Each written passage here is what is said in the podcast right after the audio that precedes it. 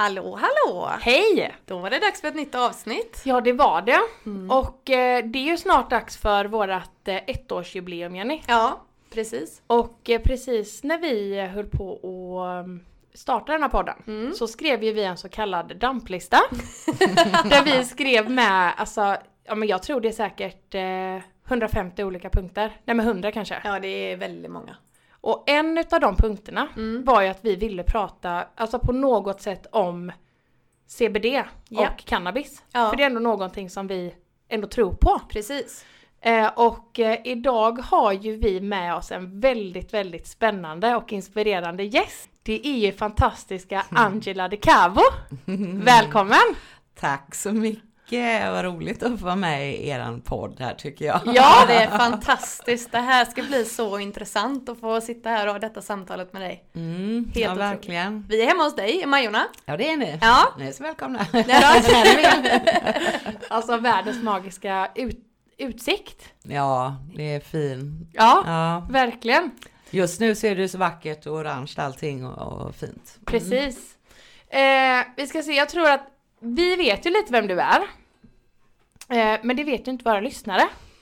Så om vi ska ställa den här eh, stora, svåra frågan.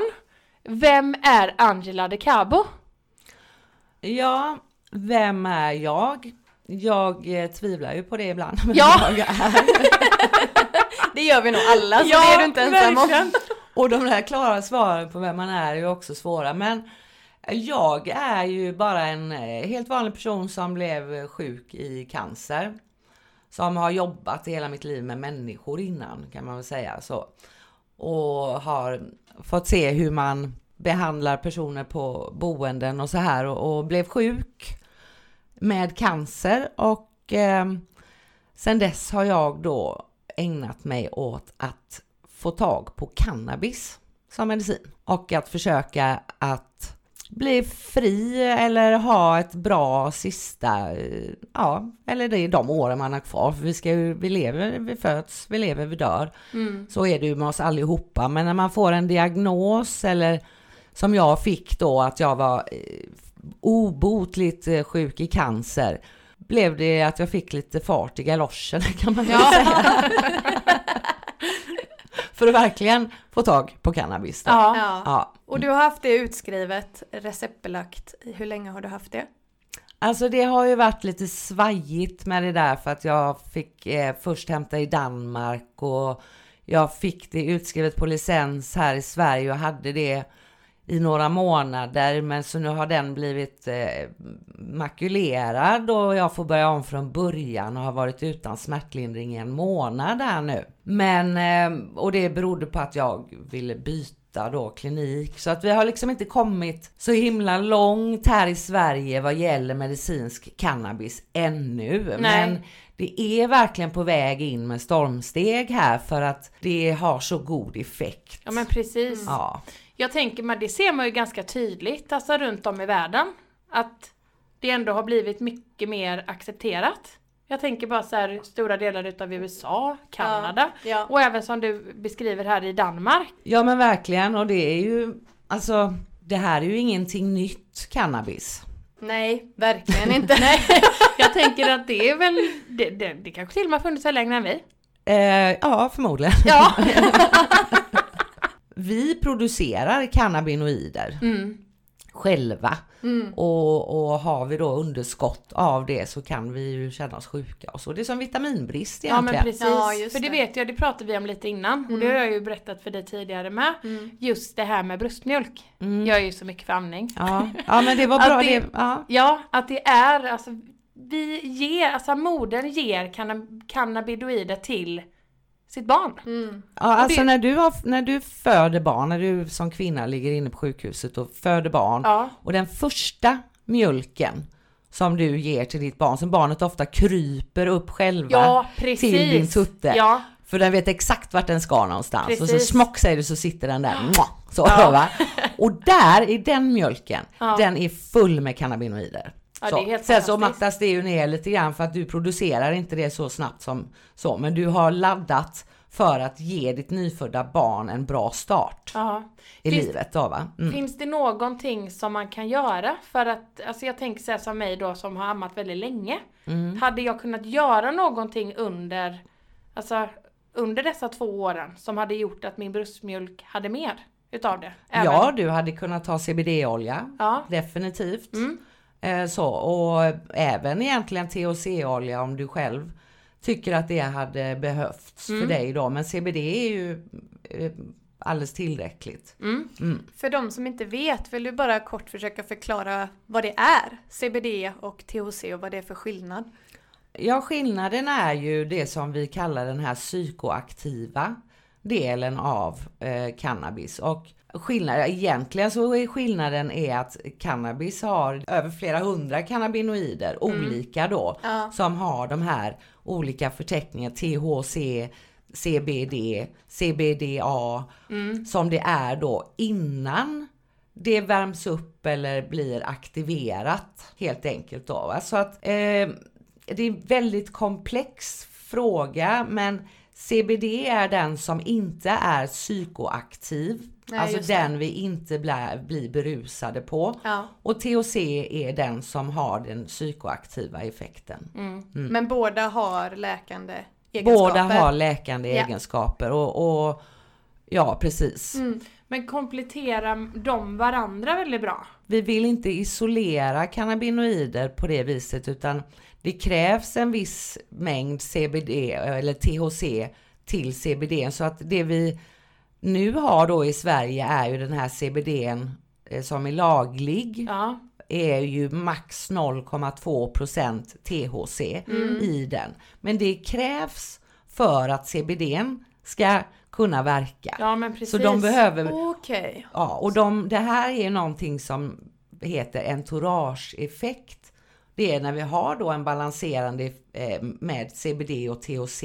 För CBD tar ju bort, tar ner den psykoaktiva effekten. Så ju högre CBD du har, ju mindre eh, svängd. Just Ja, ja.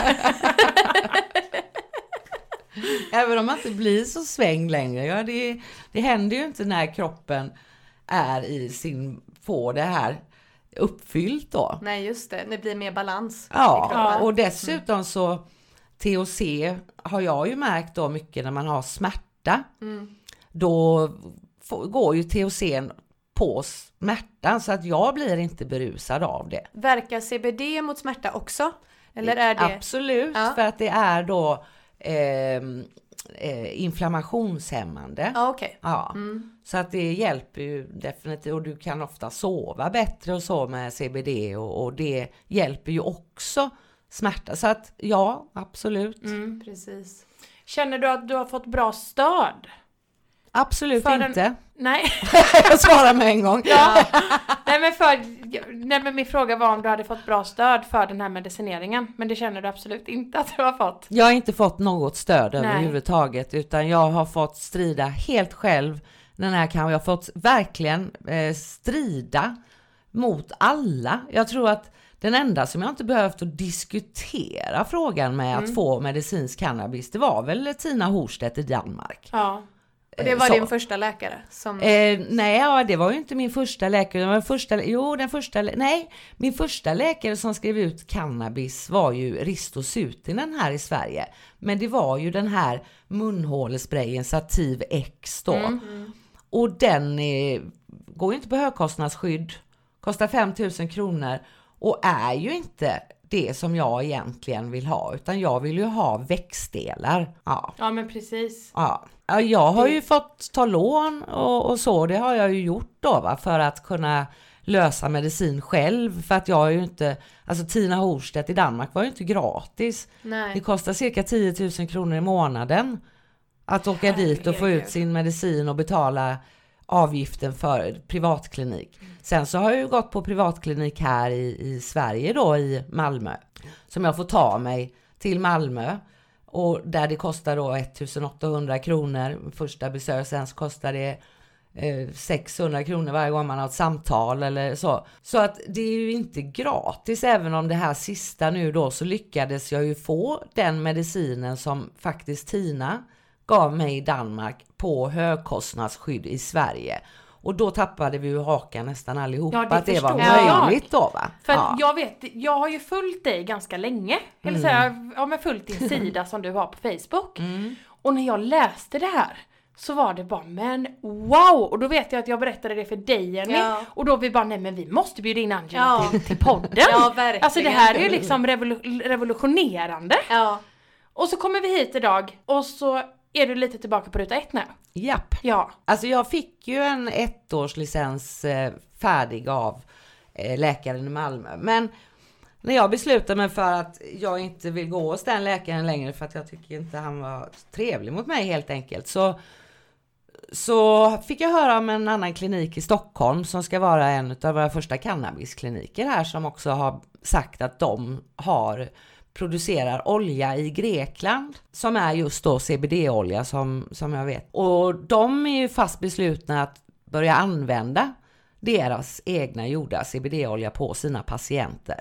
Ja. Så att det är ju på väg in i Sverige även oljor, men Ja. än så länge så finns ju inte det. Nej. Och när man byter då som jag ville byta läkare till en klinik för att jag vet att de är framåt i den här frågan Ja. och jag jobbar med den här frågan så pass mycket. Så för mig så kändes det mycket mer seriöst att gå in och vara patient på ett seriöst eh, företag tänkte jag som faktiskt vill visa framfötterna i den här frågan Ja, nu då i Sverige. Och för jag vill vara med och påverka Mm. och jag vill vara patient hos dem för att visa på hur cannabis kan hjälpa Ja. i speciellt mitt fall då. Mm. Så det var viktigt för mig också att byta den kliniken bara därför. Men då gör min läkare i Danmark, eller min läkare i Malmö så att han, han avslutar min medicin med sitt recept till, till mig där innan vi har fört över den till den nya kliniken. Så jag står utan medicin igen och får börja om min licensansökan.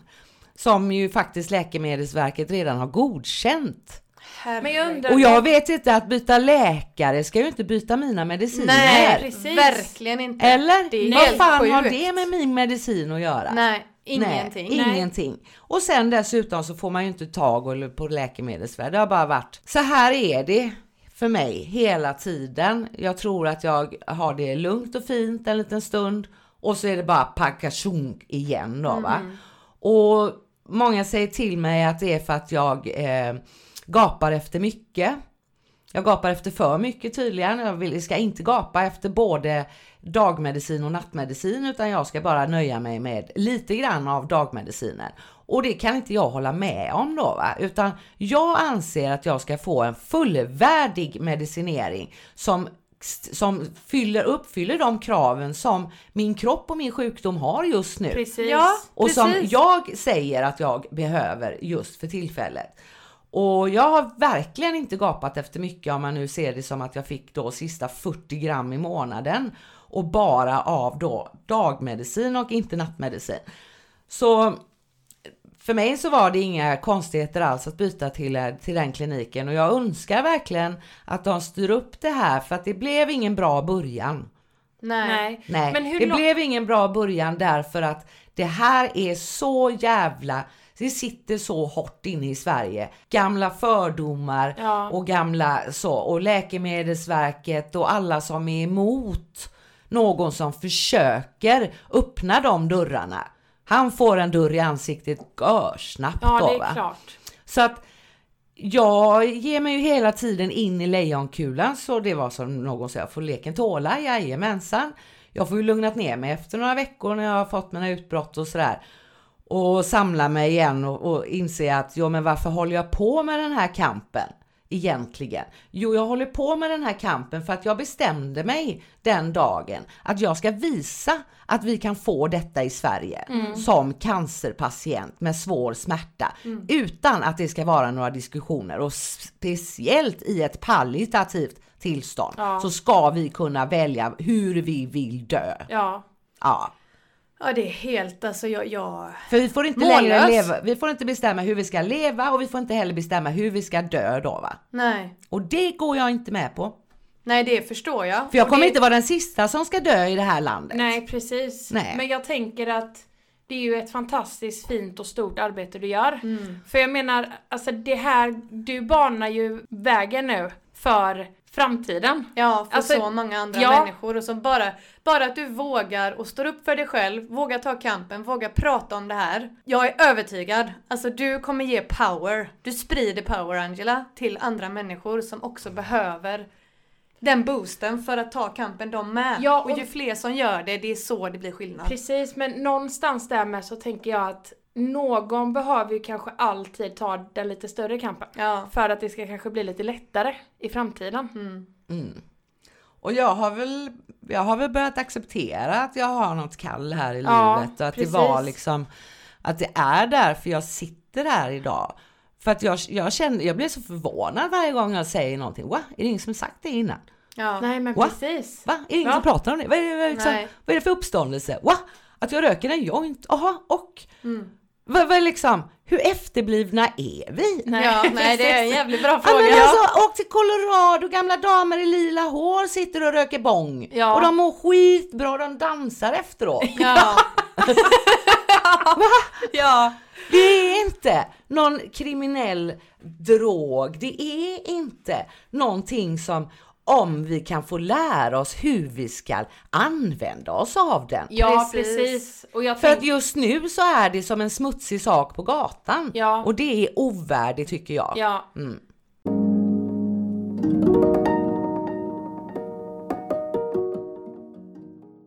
Men jag undrar här, för du, du har ju kommit tillbaka till ruta ett och behöver ju ompröva din licens. Hur lång tid kan det ta att få tillbaka en licens? Jag vet faktiskt inte, men jag pratade med min kollega och gode vän Fredrik Wern som driver gruppen tillsammans med mig och jag sa till honom att jo, men det är fyra till sex veckor. Men Angela, sa han, hur många gånger har det tagit fyra till sex veckor i ärlighetens namn? Det brukar ta tre månader Ja, okej. att få en licens. Så att fram tills du får din licens tillbaka så kommer du stå utan smärtlindring?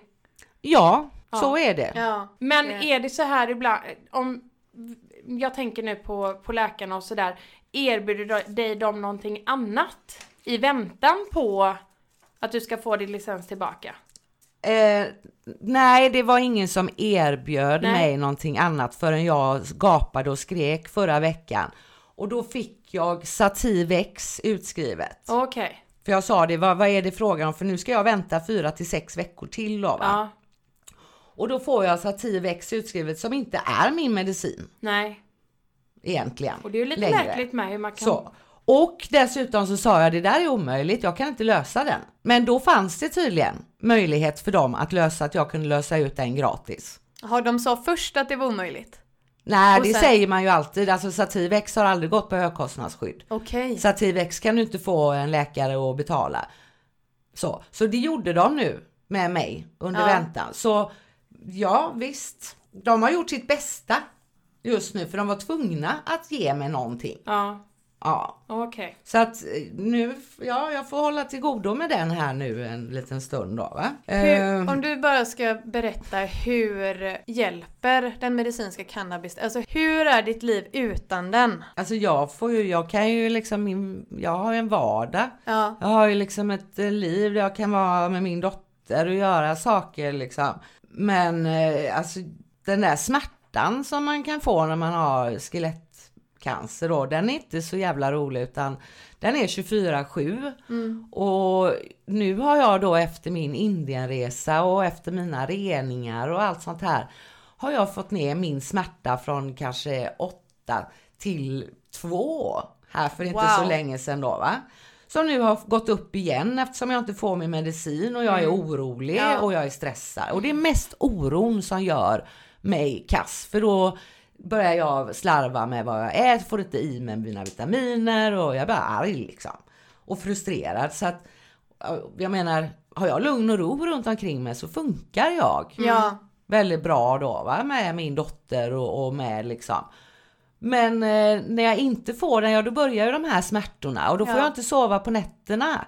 Och då blir inte dagen bra. Nej, då funkar ingenting. Ingenting det blir bara som en dominoeffekt alltihopa. Och jag hade fått upp min kropp, den mådde, så bra och det är liksom pang säger det. Det är precis som att de håller på och misshandlar mig. Ja. Medvetet. Nej, det är, åh, jag får ont i hjärtat. Det Verkligen. här är, nej. Men har du gjort någon undersökning på det? Har du fått att, har dina alltså, tumörer krympt eller stannat av eller hur? Det vet jag inte utan alla de sista proverna som jag har gjort Ja. har handlat om att jag har tagit reda på hur mitt immunförsvar ser ut, hur mina näringsnivåer ser ut, vad det är för olika problematik som jag egentligen har. eh, Så. Och det visar ju sig att allt det som jag hade gjort med näring och så var ju exceptionellt då va. Så att jag låg på väldigt bra nivåer och har fått upp mitt bra ett immunförsvar som funkar och, och det här då va. Så Eh, och men, men fortfarande lite inflammationer i, i magen och sådär. Men jag har valt att inte gå och röntgas några fler gånger. För det är också enormt fr- cancerframkallande och speciellt den röntgenformen kontraströntgen som de då har propsat på att de ska göra på mig varje gång. Så man har gjort tre eller fyra stycken då. Och när jag kom till Stockholm så fick jag ju höra att ja men då har du gjort för en livstid. Ja, Oj. det räcker nu liksom. Så att jag är inte intresserad av att egentligen veta Nej. vad som sitter var eller hur. Jag känner min kropp själv då va. Och så länge jag mår bra och känner mig piggare och orkar mer och känner på min kropp att inte det är det här störande. Då får det vara bra Ja. med det. Jag vill inte gräva i detta. Jag är inte intresserad av vad det heter eller vart det sitter eller CT2, 223. Jag skiter i det. Det är svamp. Ja, det pratade vi om just det här med att svamp sprid, alltså att det handlar om att skapa en miljö i kroppen som gör att svampen inte trivs. Ja, Istället för att täppa till med ett läkemedelsplåster. Ja. Eller vad man ska kalla det. precis. Som man då kan göra med rätt form av medicin och kost, livsstil.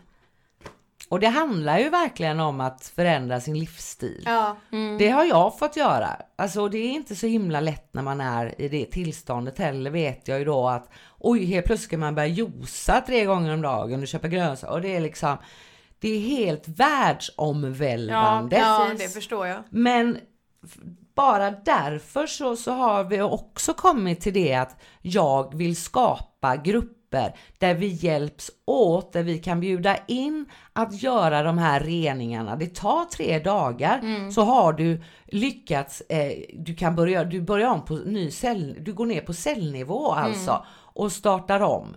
Och där kan vi då utgå ifrån efter det hur mår du efter det när vi har gjort en sån och du har ändrat din livsstil och fått hjälp med vad är det för vitaminer och mineraler och allt det som gör att vi stärker upp våran kropp.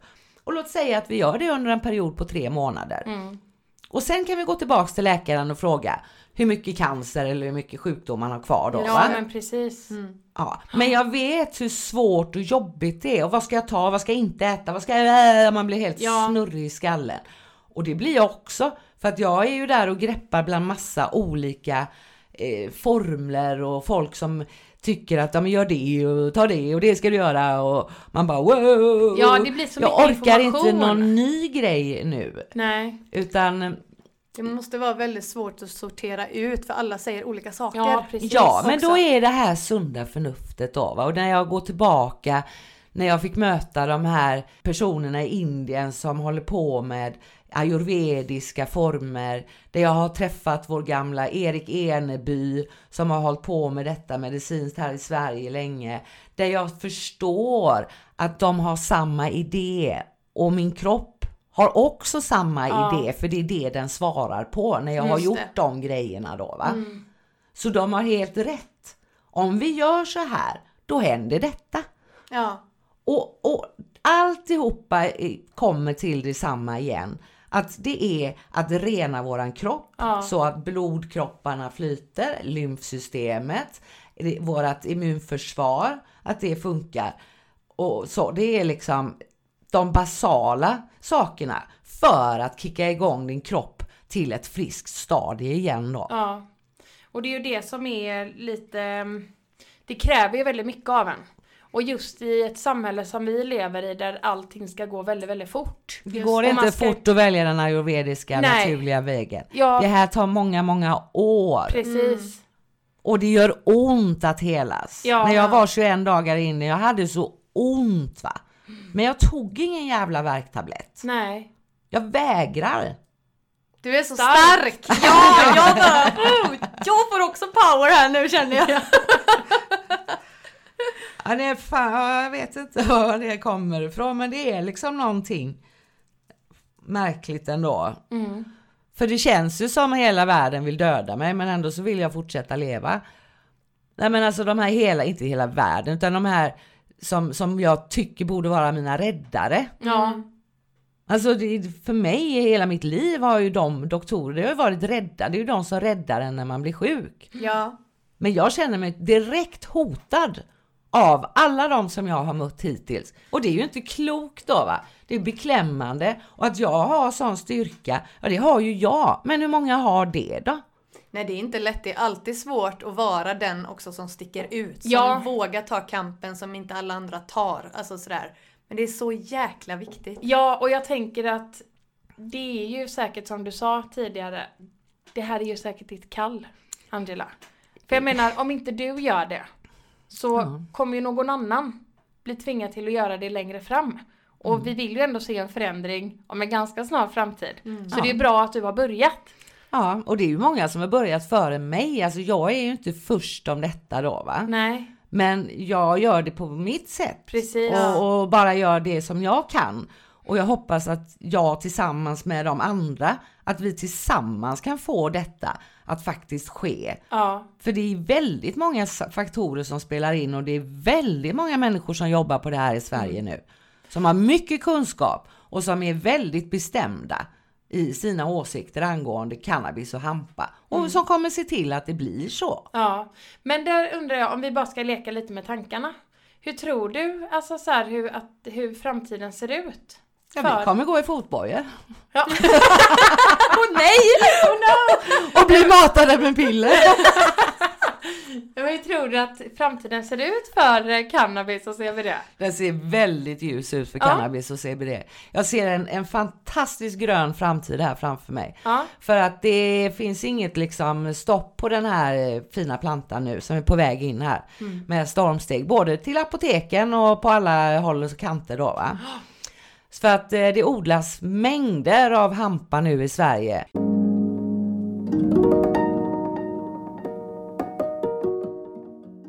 jag som jag sa tidigare har ju följt ett tag. Eh, och ehm, du har ju en liten slogan på t-shirtar och en kaffekopp som jag drack här hos dig ja, men nyss här. Det gröna tåget. Hellre olagligt frisk än, än lagligt död.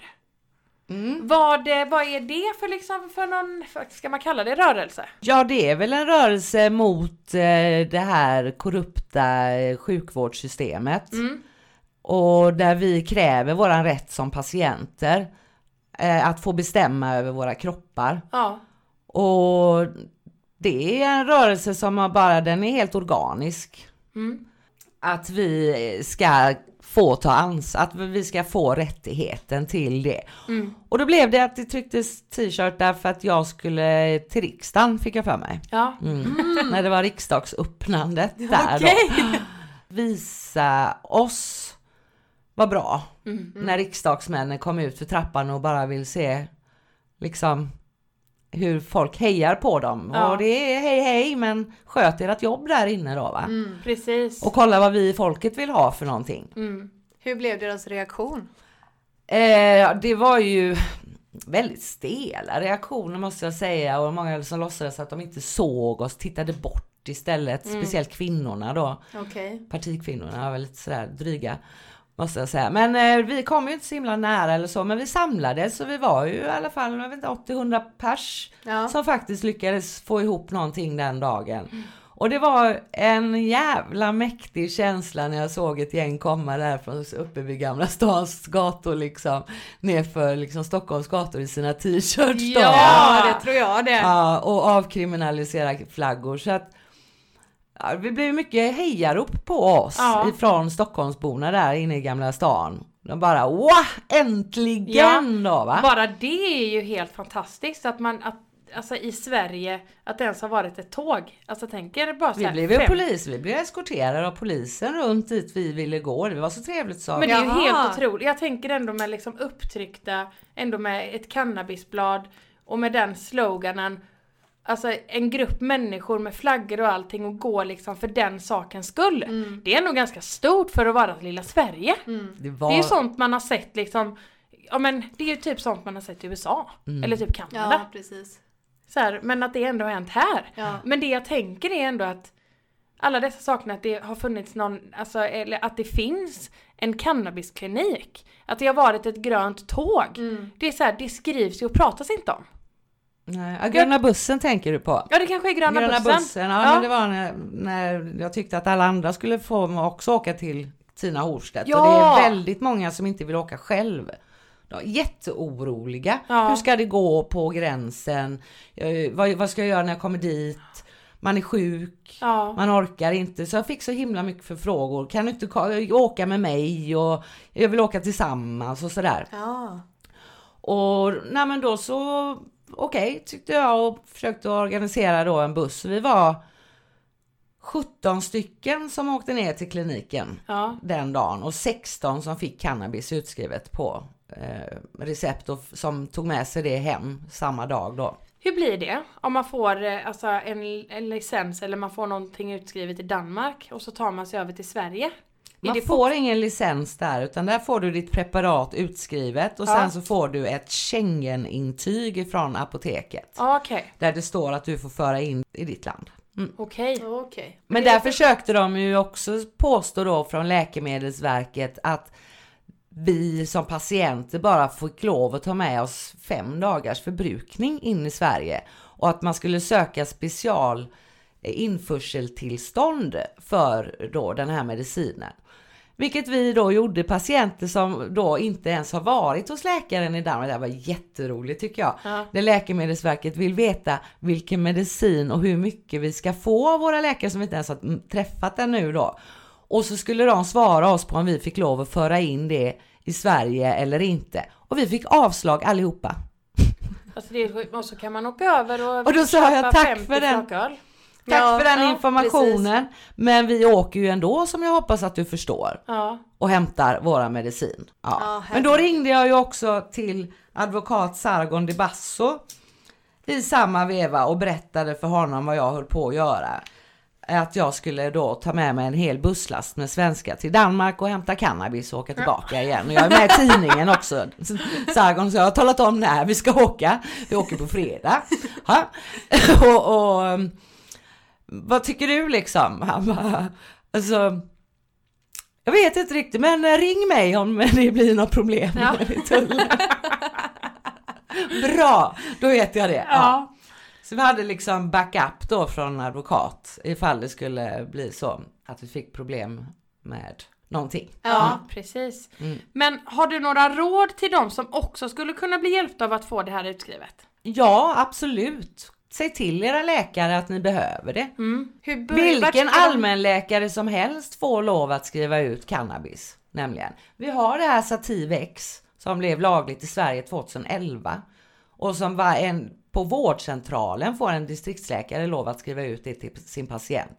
Men då är det inte på högkostnadsskydd. Men har man den problematiken som smärta vid neuropatisk smärta då eller ehm, MS, ME, eh, vi har de här eh, egentligen PTSD, allihopa de skulle jag ju egentligen vilja lägga in där, men de är ofta svårare. Men om man har svåra skador så bör man då kunna få cannabis mot sin smärta.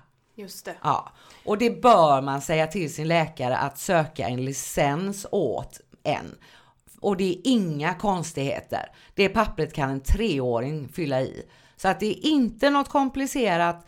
Men sen så kräver Läkemedelsverket då att vi som patienter fyller i och har provat alla opioider och allt det där innan vi får cannabis. Ja, Varför man nu ska börja med det? Men va?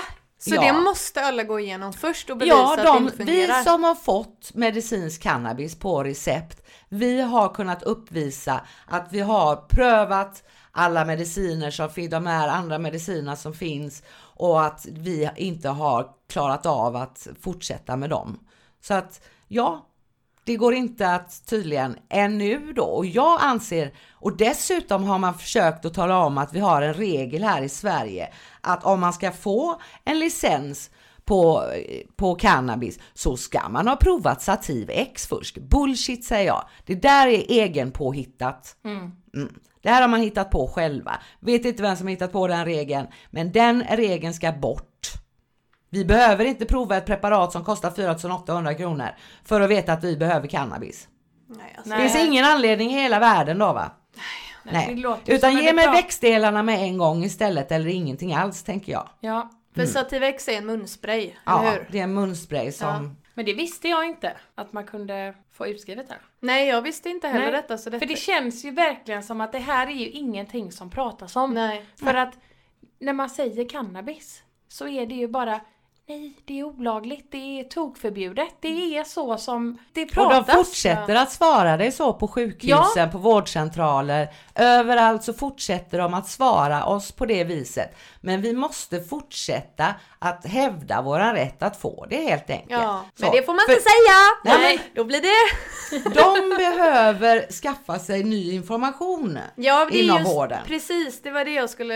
Jag, jag tänkte att... Kunskap kallas det. Ja. Men de, de gör ju antagligen, de flesta gör ju det de tror är rätt antagligen och det de har blivit lärda i sin utbildning. Men det är ju just det där, det behöver ju förnyas. Ja, precis. När man lär sig, det forskas, det går framåt, då måste man ju hänga med. Ja, man kan ju tycka det. Det, Ja. Och Ja, jag, men- jag kan inte förstå hur man som läkare kan sitta och Åh nej, nej, nej, jag hör inget, jag ser inget. Nej. För att det här händer ju i hela världen. Ja. Och det är ju ingen nyhet att vi har liksom Israel som ledande land när det gäller cancer och eh, cannabis då. Spanien och Israel ligger ju långt i framkant med det här där man faktiskt har, har använt sig av det här preparatet och se tumörer försvinna, punkt slut. Ja. Punkt slut! Smärta, tumörer, you name it. Och att man då försöker att inbilla mig att vi inte har fakta, att det finns inga underlag för detta. Alltså vad, är det för, vem, vem tror de att de snackar med egentligen? Nej, precis. Tror de att vi, folket är helt tappade bakom en vagn? ja, jag tror de tror det. För att på riktigt Ja. då va?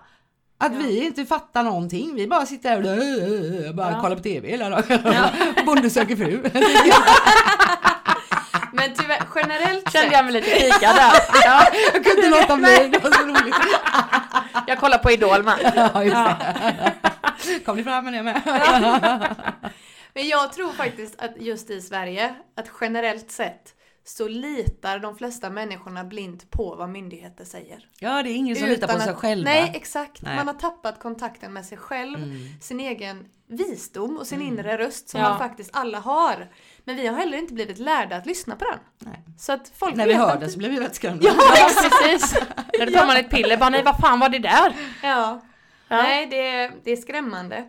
Nej, för det är väldigt viktigt det du säger. Det är ju en av de viktigaste bitarna tycker jag i hela det här att vi har slutat att att tro på och lyssna på oss själva och att vi inte liksom duger till det. Vi Nej. duger inte till det utan vi måste alltid vända oss om till Yttre. yttre Precis, liksom. Jag tror och, att de flesta har aldrig ens börjat lyssna på sig själva. De flesta har nog aldrig ens gjort det. Nej. Eller de flesta, det kan jag sitta och säga, Ja. de flesta, men många då. Ja, Många tror jag, det, det är inte det vi blir lärda att vi ska göra. Nej. Utan vi blir lärda att vi ska lyssna på dem som vet. Bara gör Men alltså, man det? Och det gör, alltså det gör man ju fram tills den dagen när man sitter med en läkare som du bara liksom hör att varenda ord som kommer i munnen, gör det när man då har skaffat sig kunskapen. Ja.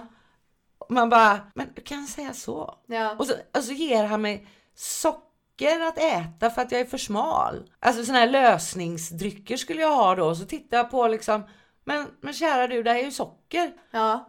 Det här ska ju inte en cancerpatient ha. Nej. Nej men du är så smal, du behöver gå upp i vikt. Eller vad tänkte du nu Ja. liksom? Jag går ju upp i vikt för att cancertumörerna blir större Ja, då kanske. precis. Och väger mer. så han har ju rätt i och för sig då va? Ja. Ja, just det. Alltså detta, vi kan ju prata om detta hur länge som helst. Det här är så, det är så viktigt Angela. Ja, det här- är ju det. Ja, Det är verkligen. Mm, Och det- Så det är svårt att sluta för mig. Att jag tänker ju hela tiden, och som min eh, doktor Angelo Graciano säger att Men vad fan Angela, sluta tjata med dem. Vad Mm. gör du liksom? Vad, så. Vi löser det här på annat sätt. Mm. Ja. Men det här handlar ju också om prestige för mig. ja, Upprättelse som människa. Ja, men att, precis. vänta lite här, du kan inte säga till en, till en obotligt cancersjuk patient med palliativ vård att man inte får lov att välja vårdform. Nej. nej, nej det är sjukt. När jag dessutom uppvisar att jag blir bättre. Ja, precis. Nej men, det, men jag tänker lite att det kanske är också lite skrämmande. Att det är Nej men de är livrädda ja, för mig. Ja, Det, det visar ju på något sätt att det de tror på och lär ut. och lär ut är fel. Precis. Och människor vill inte erkänna att de har fel. Nej, aldrig. Nej men jag tog ju läkarens verktyg ifrån honom och det är Ja. ju skitläskigt Ja. för honom. Precis. Men han sitter här, sitter han helt utan verktyg. När jag inte vill ha hans cellgifter eller hans strålning eller hans hormoner. Vad ska han ge mig då? För cannabis det vägrar han. Ja, nej, men det är ju så sjukt. Ja, Fast jag visar att cannabis fungerar bra för mig så säger han fortfarande nej. Nej. Ja, nej det är... På smärtkliniken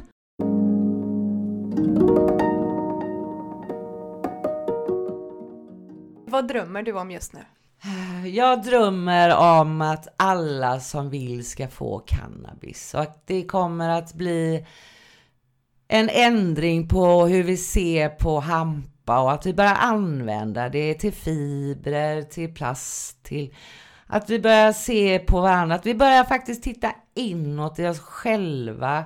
Att vi gör de här sakerna som får oss, vi har plastat in oss här nu i några år, vi behöver komma tillbaks till det verkliga livet så. Och det är liksom urkärnan av vad vi är för någonting. Precis. Vi behöver lära oss göra upp en eld igen Ja. helt enkelt. Back to basic. Back to basic. Ja. Ja. Nej, jag känner att vi, eh, vi sätter punkt där. Ja. Back to basic. Back to basic. Ja, Ja. Angela. ja. Tack, tack, tack, för att du ville vara med. ha, vad fint. Stort Roligt tack, det här var så värdefullt och så Verkligen. himla fint. Ja, vad fint, så roligt. Ja. Ja. jag hoppas att det når ut till många så att man får en chans att tänka på ett annat sätt i alla fall. Precis. Och om det är någon som vill vara med i din grupp, vad heter den? Cannabis Revolt Sverige Ja, heter den. Mm. Ni är så välkomna. tack. Eh, och eh, ja, du som har lyssnat, du vet att eh, du finner oss som vanligt på Harligt Arligt Podcast på Instagram. Och så hörs vi om en vecka igen. Det gör vi. Ha det fint. Ha det bra. Hej då! Hej hej!